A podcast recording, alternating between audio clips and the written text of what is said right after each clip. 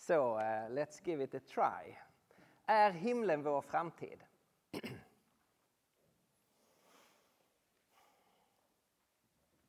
De allra flesta kristna skulle eh, svara ja. Ja, det är klart. Vi är på väg mot himlen. Väldigt många icke-kristna, om man frågade vad tänker kristna om framtiden? Så åtminstone i Sverige skulle de säga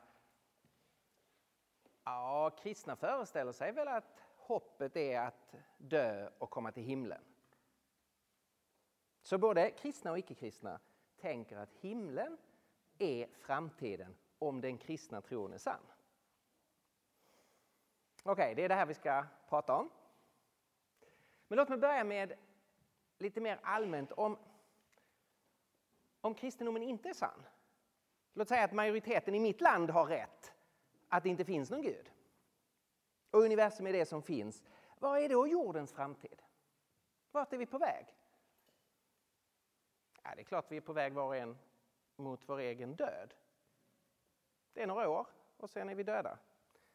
Lite kortare för mig än för en del av er, statistiskt sett. Fast ingen av oss vet vem av oss som kommer att dö först.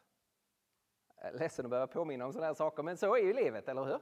Vi är på väg mot den punkt som blev vår sista sekund. Om man tar den lite större bilden och struntar i sig själv och tänker på jordklotet, Vintergatan.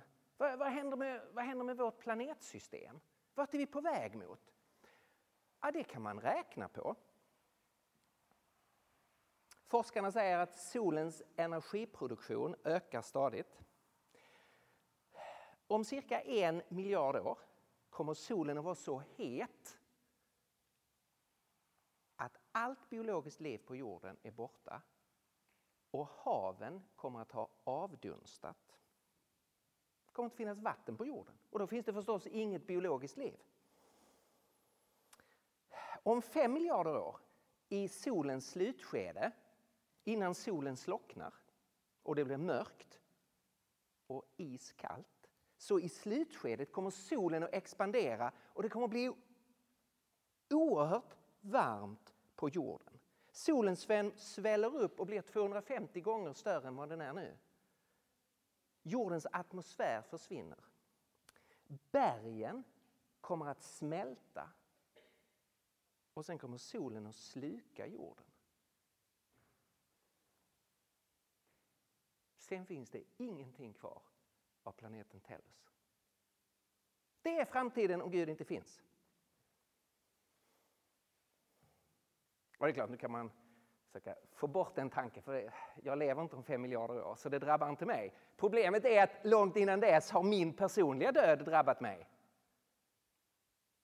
Och jag ruttnar bort någonstans i en grav och går upp i det biologiska kretsloppet och en dag slås det biologiska kretsloppet ut och haven avdunstar och bergen smälter och jorden försvinner.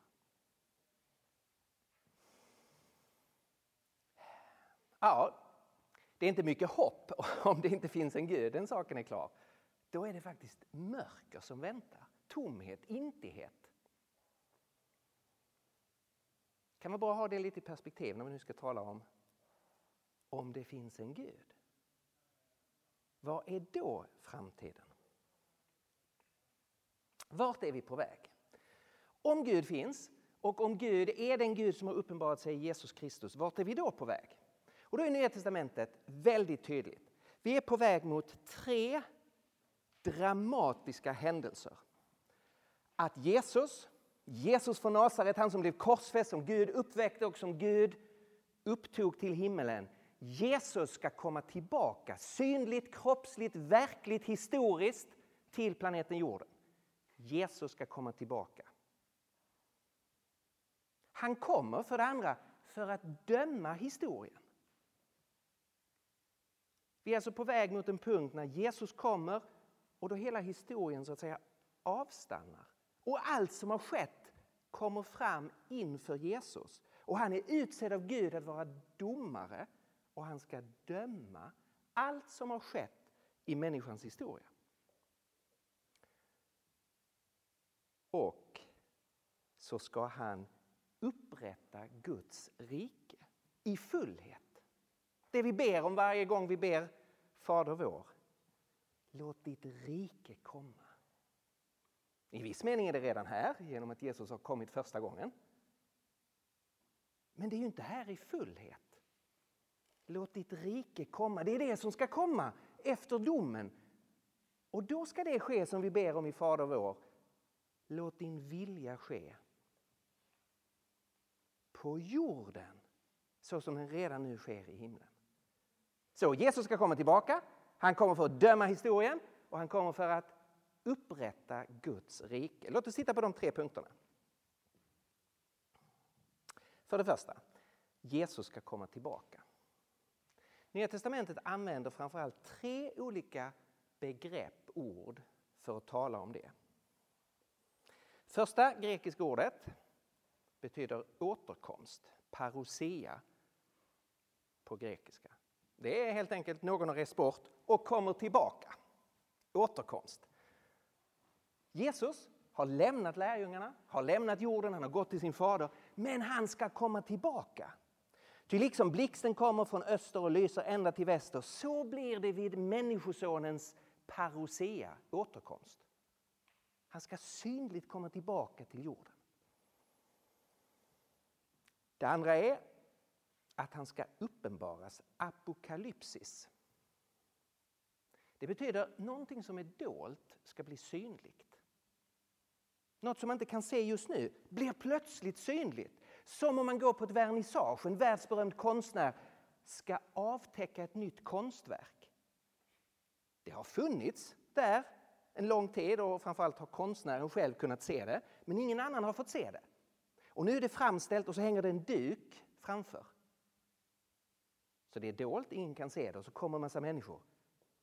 Och så kommer ögonblicket av apokalypsis, av uppenbarelse. Man drar bort skynket. Och plötsligt är det som tidigare var osynligt är synligt och åtkomligt. Just nu kan vi inte se att Jesus är Herre, eller hur? Just nu kan vi inte se att all makt är given åt Jesus. Ännu kan vi inte se att allt är honom underlagt, står det i Hebreerbrevet. Och vi ser ju inte Jesus fysiskt, eller hur? Vi tror på honom, vi lever i tro, inte i åskådning. Men han ska uppenbaras. En dag ska skynket dras undan. Och det som är sant redan nu, att han är Herre, ska uppenbaras och bli synligt för var och en på jorden. Likadant blir det den dag då Människosonen uppenbaras, säger Jesus. Och för det tredje, han ska träda fram. Epifanea. Det betyder... Ser det finns en dörr där kan ju vara så att Barack Obama står där utanför. Eller någon person du beundrar, en, någon känd popstjärna eller någon gäst sådär. Här sitter vi här inne och ingen aning om att den person som du kanske beundrar allra mest står där utanför. Föreställ dig så här. Här, står jag och håller på att prata. Där, där, där, där. Och så plötsligt kliver Barack Obama in här. Så. Vet ni vad som kommer hända då? Ingen kommer att lyssna på mig. All, fokus, nu är det i alla fall en, en del som har fokus på mig. så. Plötsligt är all fokus Därför att han kliver in i rummet. Och så säger Nya Testamentet att det ska bli. Jesus ska träda fram. Han står precis här utanför fast det är osynlig nu. Och här håller vi på och fokuserar på allt möjligt. Och så en dag, allas fokus kommer att ändras i ett ögonblick. Därför att han ska träda fram. När Kristus träder fram skriver Paulus i Kolosserbrevet. Då. Okej, okay, det är tre ganska bra bilder att tänka kring. Jesus har rest iväg, så att säga, upptagen till himlen. Han ska komma tillbaka. Jesus är Herre, men det är dolt. Han ska uppenbaras. Jesus står precis utanför dörren. En dag ska han kliva in i tidens och rummets värld igen. Det är första punkten. Vi är på väg mot en specifik dag då detta ska ske i mänsklighetens historia. Det här är världshistoriens största händelse. Och all media kommer att missa det. Vet ni varför? För på den dagen finns det inga åskådare. På den dagen är ingen som står bredvid och rapporterar och har synpunkter och gör analyser och bedömer. Den dagen är var och en personligen direkt involverad i själva skeendet. Därför att då möter man den som man ska redovisa sitt liv för. Det är ingen som sitter på läktaren och tittar på. Jesus ska komma tillbaka. För det andra, han kommer för att döma världen. Och det här är väldigt goda nyheter. Som vi hörde i förkunnelsen här tidigare. Om det finns en Gud och han inte gjorde någonting åt det onda. Då skulle han vara lika ond som det onda han tillåter. Eller hur? Gud blir identifierad med allt som han säger är okej, okay. allt som han väljer att inte göra någonting åt blir ju då någonting som är i samklang med Gud. Och därför en tankegång att det finns en Gud men inte en dom, som en massa godhjärtade människor tycker. Det är en jättebra tanke, det finns en, en, en Gud och han är god. Fast han kommer aldrig göra någonting åt det onda. Det innebär ju att man sänker Gud till den nivån av ondskan som han accepterar. En god Gud måste dra ett streck. Han kan vänta, det kan finnas skäl till det. Han kan ha tålamod. Han kan skjuta upp domen. Men det måste en dag komma ett streck. Gud drar ett streck. Böckerna balanseras. Man gör en redovisning. Och det talar Nya Testamentet om på många, många ställen. Jesus kom tillbaka för att döma världen och separera gott och ont. Och allt onda ska kastas ut.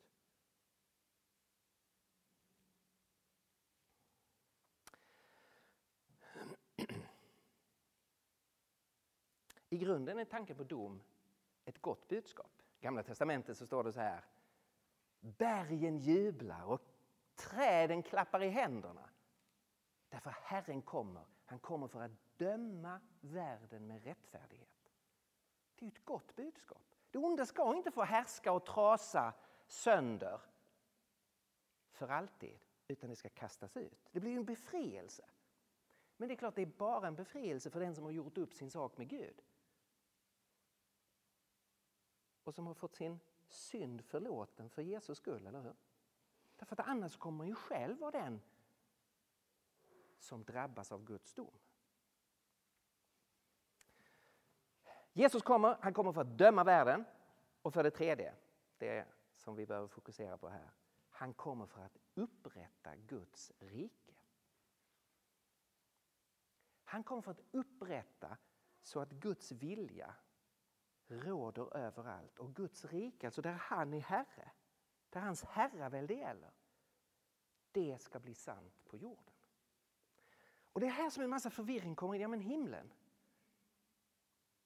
Mm, måste vi se vad, vad, vad säger Nya Testamentet. Det står så här i Andra Petrusbrevet kapitel 3, vers 13.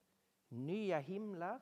Efter hans löfte väntar vi på nya himlar och en ny jord där rättfärdighet bor. Alltså en ny version av skapelseverket. Bibeln börjar ju med Gud skapar himmel och jord.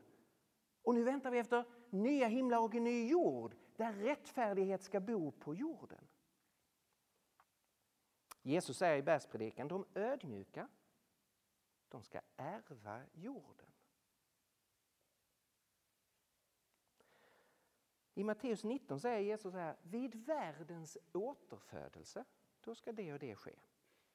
Alltså precis som vi människor som är fallna och trasiga behöver födas på nytt. Och Jesus talar ju om det. Om du inte blir född på nytt kan du inte se Guds rike. Så vi behöver renoveras och återupprättas. Så talar Jesus om att världen ska födas på nytt. Världen är fallen och trasig. Men Gud ska inte förkasta den. Han ska föda den på nytt. Jag är ju fallen och trasig men Gud har inte förkastat mig och skapat en annan Stefan. Han har ju valt att föda mig på nytt. Eller hur? Renovera, restaurera, nyskapa mig så att jag är en ny skapelse i Kristus. Men jag är ju fortfarande jag. Gud förkastar inte i frälsningen. Han renoverar, restaurerar, föder på nytt, skapar någonting nytt utifrån det trasiga så att säga. Och så ska det ske med världen. Vid världens återfödelse. Dogmatiskt, läromässigt, den mest utförliga undervisning vi har om detta är Romarbrevet 8.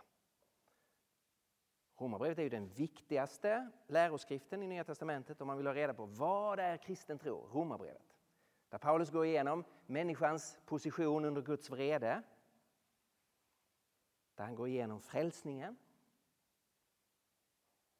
Där han går igenom det kristna livet. Och där han går igenom framtiden. Han går igenom helig ande och går igenom framtiden. I Romarbrevet 8 så står det eh, eh, så står det att hela skapelsen är lagd under förgängelsen, är lagd under död och sönderfall. Hela skapelsen är lagd under förgängelsen. Inte av eget val utan på grund av honom som vållade det. Adam och Evas uppror som har liksom sänkt hela skapelsen. Men nu väntar hela skapelsen på sin befrielse. Hela skapelseverket suckar och längtar efter att bli befriat. Inte efter att bli förintat, utan bli befriat. Och skapelseverket ska nå samma härlighet som Guds barn får när de förhärligas. Okay, måste vi tänka här. Guds barn, det är vi kristna.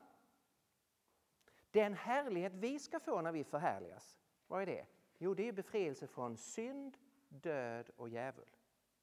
Okej, okay, så en dag ska vi förhärligas.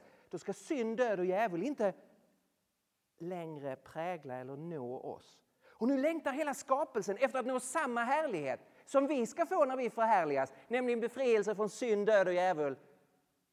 Alltså skapelseverket ska befrias från synd, död och djävul och bli förhärligat.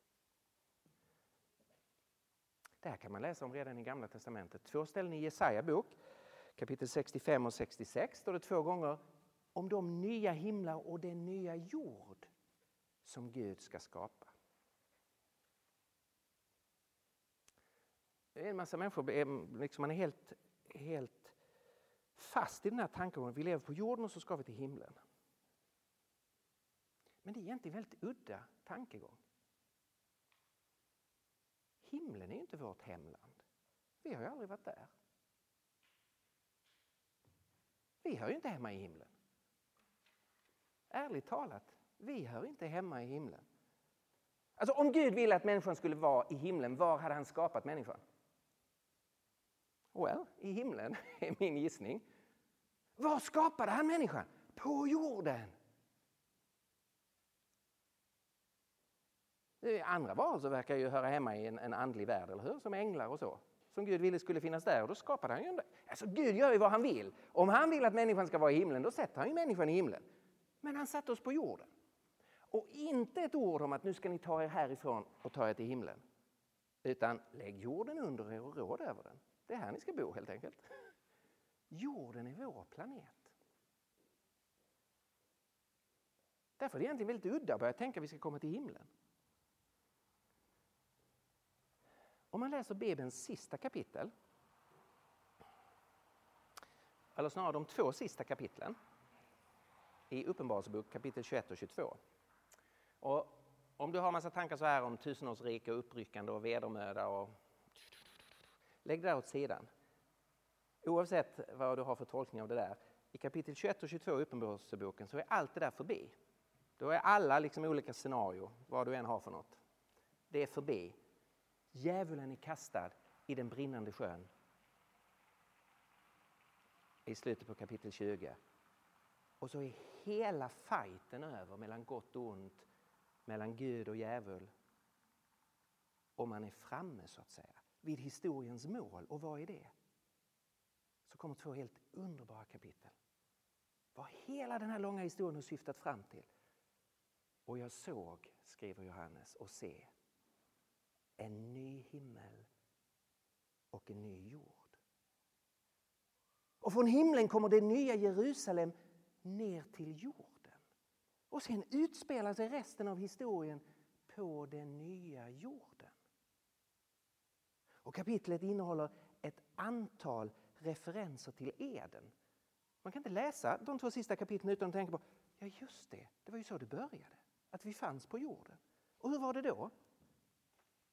Ja, det kapitlet börjar ju också. Gud skapar himmel och jord och nu kommer en ny himmel och en ny jord.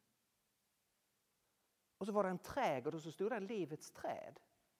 Det har vi inte varit i kontakt med sedan vi drevs bort ifrån trädgården i kapitel 3 i Första Mosebok. Nu plötsligt i kapitel 22 och livets träd står mitt i staden. Vi är tillbaka i Eden. Ingen förbannelse ska vara mer. Nej, just det, så var det ju i de två första kapitlen. Guds välsignelse över människan och över skapelsen. Och så i kapitel 3, ormen förbannas, marken förbannas. Och i kapitel 4, människan, Kain, förbannas. Och sen har vi ju levt under förbannelsen. Och nu ska ingen förbannelse vara mer. Och så det som är starkast. Gud ska bo ibland sitt folk. Ja, men det var ju så det var i trädgården. Han vandrade med människorna i trädgården. Nu ska Gud igen bo mitt ibland sitt folk. Och de ska se hans ansikte och hans ljus och hans härlighet ska upplysa dem. Guds närvaro. Så, det handlar om en, ett upprättat Eden.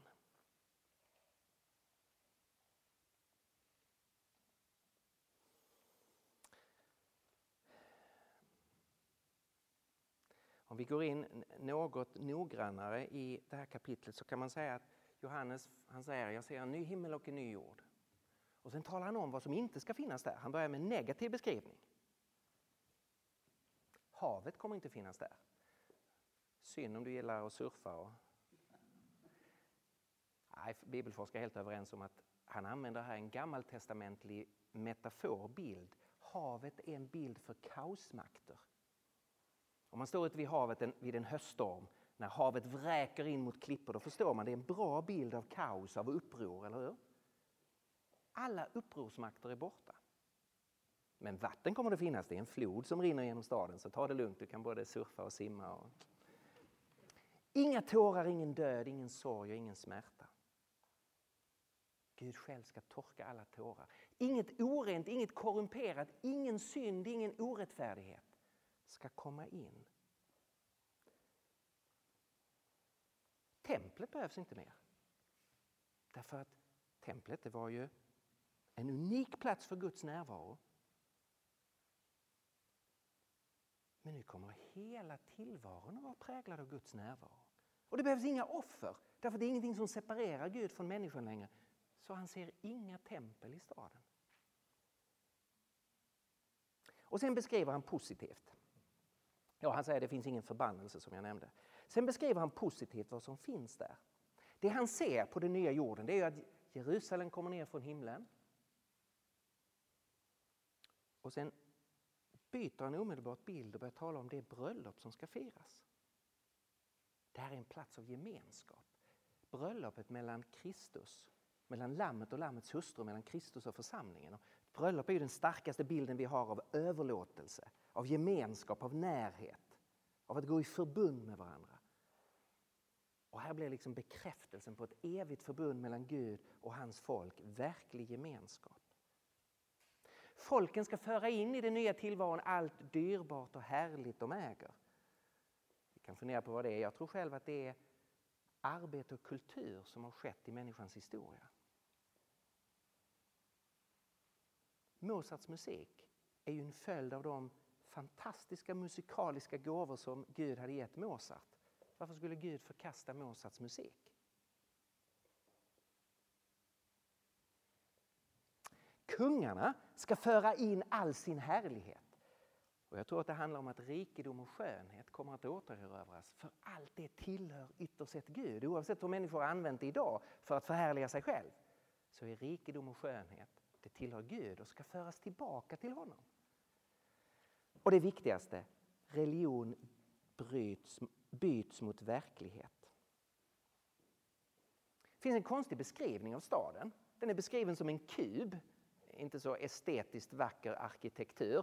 Lika lång som bred som hög, liksom bara en stor låda. Ja, det man ska tänka på då är ju, vad finns det för kubliknande föremål i Gamla Testamentet? Aha, det allra heligaste. Där Gud bodde. Hela tillvaron kommer att vara platsen för Guds närvaro. Portarna kommer aldrig stängas i staden.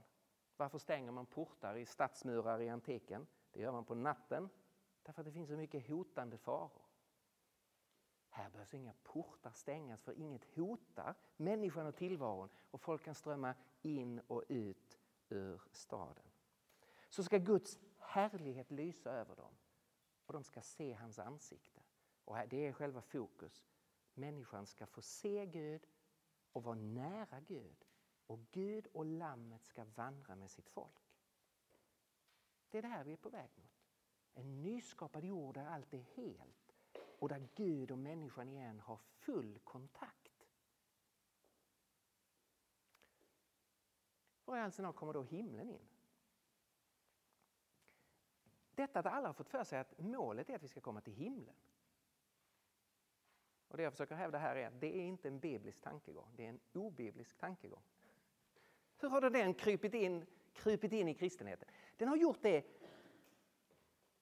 av två skäl. För det första, det har skett en förskjutning i synen på mellantillståndet.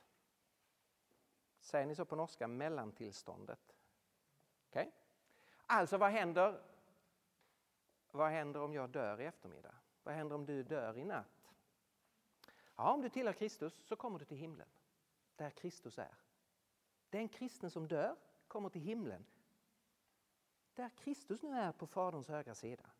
Jag bryter, om jag blir avrättad, säger Paulus, så bryter jag upp för att vara där Kristus är.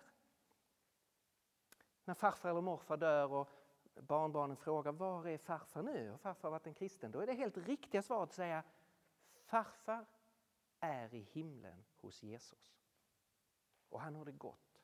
Han har det fantastiskt bra. Vi sörjer, men det gör inte farfar. Okay? Men farfar är inte framme. Det är inte slutmålet, det är mellantillståndet.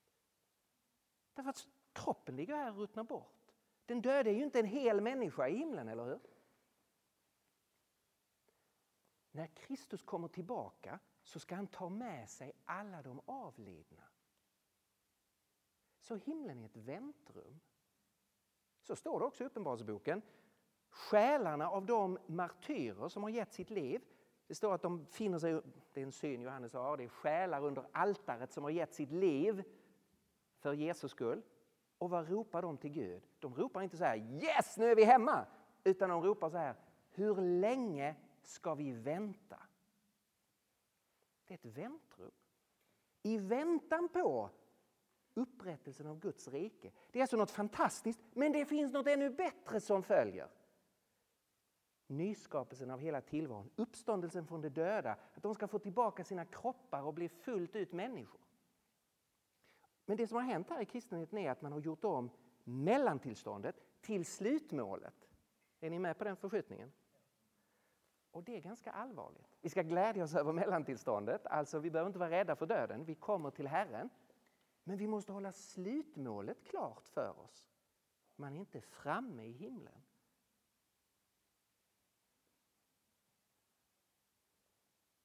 Jag gillar en bild som Bo Giertz, välkänd tidigare biskop i Sverige, har tagit. Han sa när en kristen dör, det är som man kommer ett dygn för tidigt till en fantastisk fest som man är bjuden till och som några andra förbereder.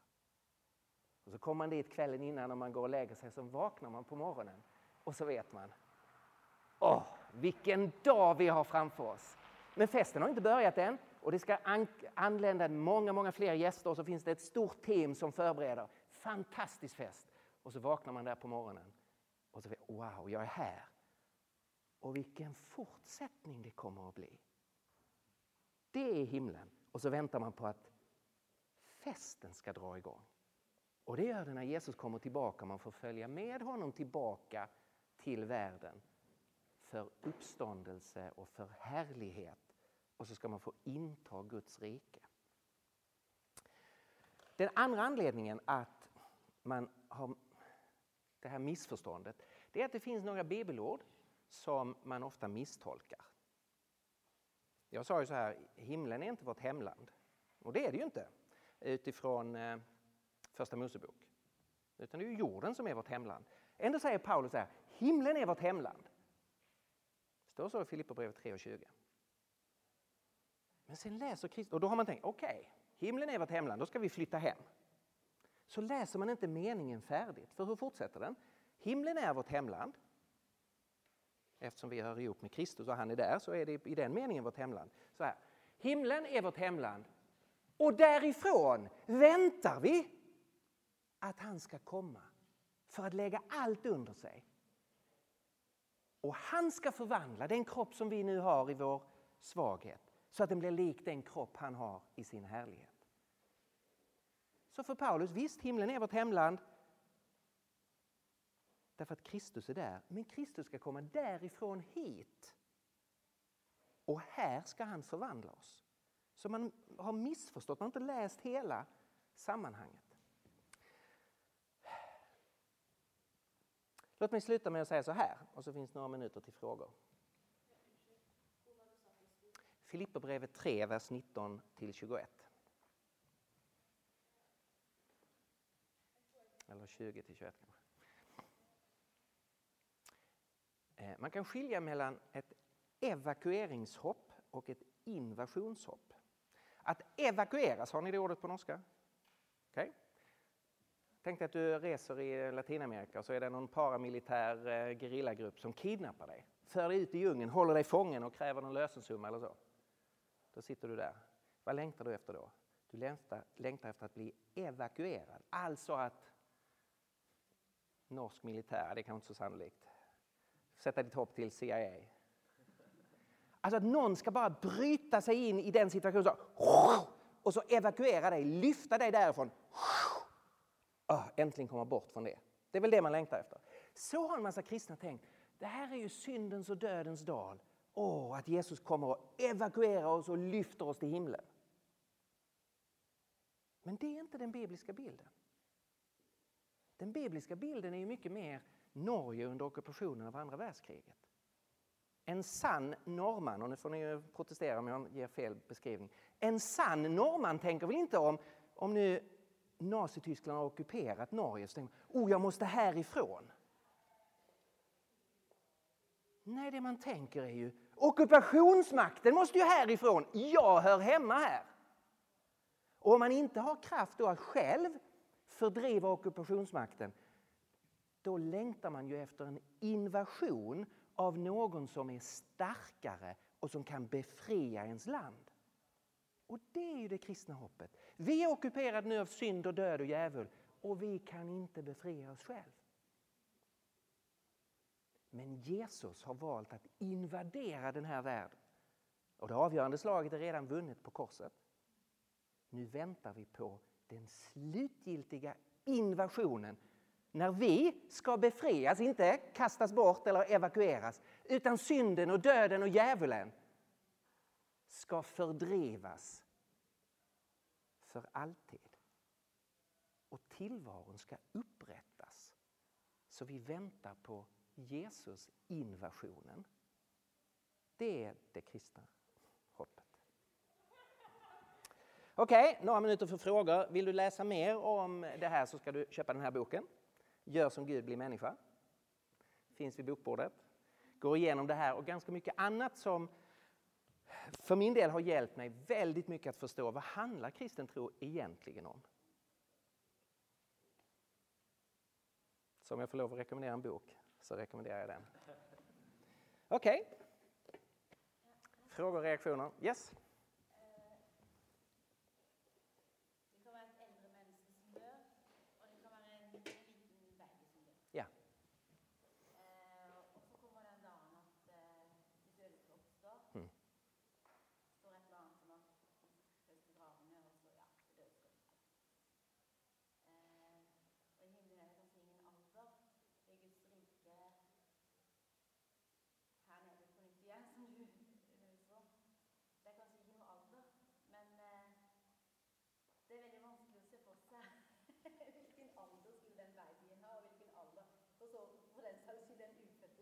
Mm. Och vilken roll skulle det äldre människor ha Mm. i det? Just det. Och det. Det finns ju många saker där vi måste säga att vi får vänta och se. Eller hur? Det kommer bli på ett bra sätt. Eh, Så vi, vi får vara försiktiga och spekulera. Men några saker kan vi ju säga. En gammal människa, den personens kropp är ju sliten. Ofta så dör en gammal människa på grund av sjukdom och svaghet. Olika funktioner har slått ut. Hjärnan funkar inte riktigt som den gjorde för tidigare och så. Självklart så kommer man ju inte att uppstå i det bräckliga formen, eller hur? Utan det betonas ju väldigt tydligt att vi ska uppstå förhärligade. Så vi ska vara ju starkare och friskare och renare och mer klartänkta och vackrare än vi någonsin har varit. Förstås. Vi ska vara som Jesus var efter uppståndelsen. Och det är ju kanske enklare då att tänka en äldre människa som har brutits ner. Så då tänker man nej, självklart kommer personen inte uppstå i det.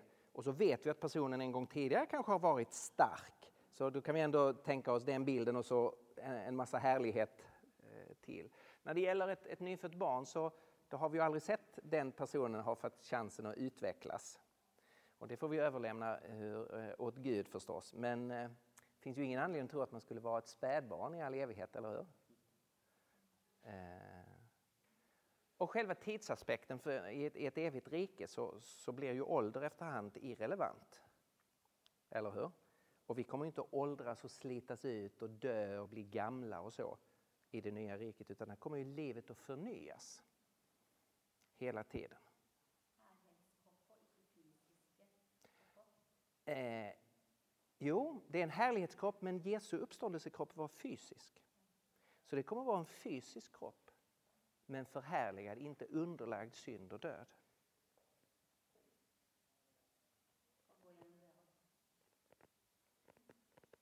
Det vet vi att Jesus gjorde. Eh, det får vi väl se hur mycket dörrar vi öppnar eller går igenom. Så Jesus äter ju efter uppståndelsen. Det är en fysisk kropp. Han är, han är verkligen människa fast i en uppgraderad form. Men det är fysiskt, de rör vid honom. Kvinnorna griper om hans fötter. Thomas tar i hans hand. Det är inte en ande. Det är ord från Jesus själv. Det är inte en, varför är ni så förskräckta? Det är inte en ande, jag har kött. Jag har eh, eh, kött och blod som ni själva kan se. Och han sträcker fram handen. Så det är fysiskt. Mm.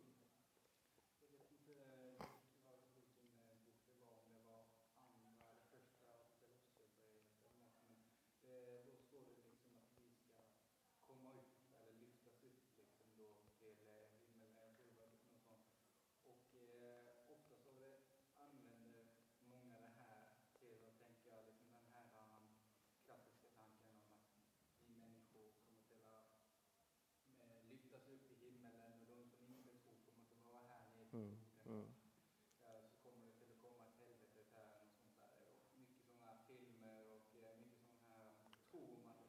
Mm. Mm.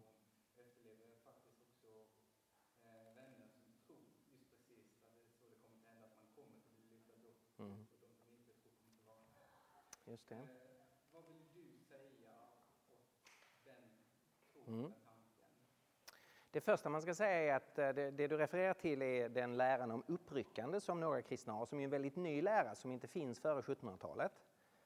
Det kan vara viktigt att säga, det är ingen lära som har någon som helst förankring i kyrkans historia men som har blivit väldigt populär så här sent. Eh, oavsett vad man tycker om den läran så det jag har pratat om är själva det yttersta slutmålet.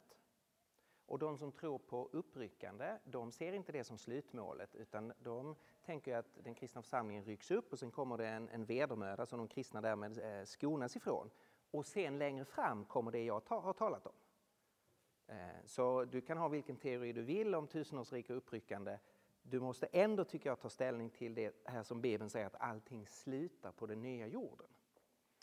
När det gäller sen den läran, och det är i första Thessalonikerbrevets eh, fjärde kapitel, så står det att när Herren kommer tillbaka så ska de heliga som fortfarande lever ryckas upp Herren till mötes.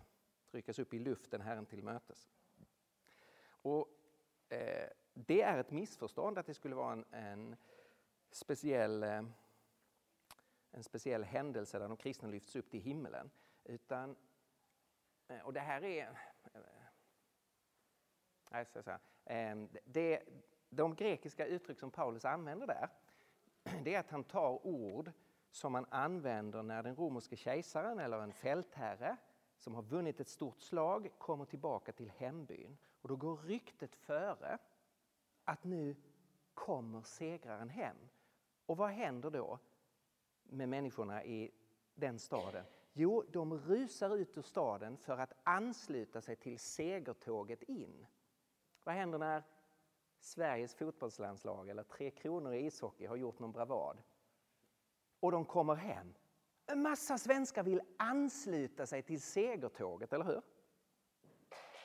Det Paulus säger är när Herren stiger in i världen så kommer alla som tillhör honom på jorden då att ansluta sig till hans segertåg in i världen. Det skulle jag säga är en mycket eh, sannolikare betydelse av det bibelstället. Och det är också så kristna har läst det tills fram, liksom fram till 1700-talet. Jag men säga tusen tack eh, till Stefan Gustafsson.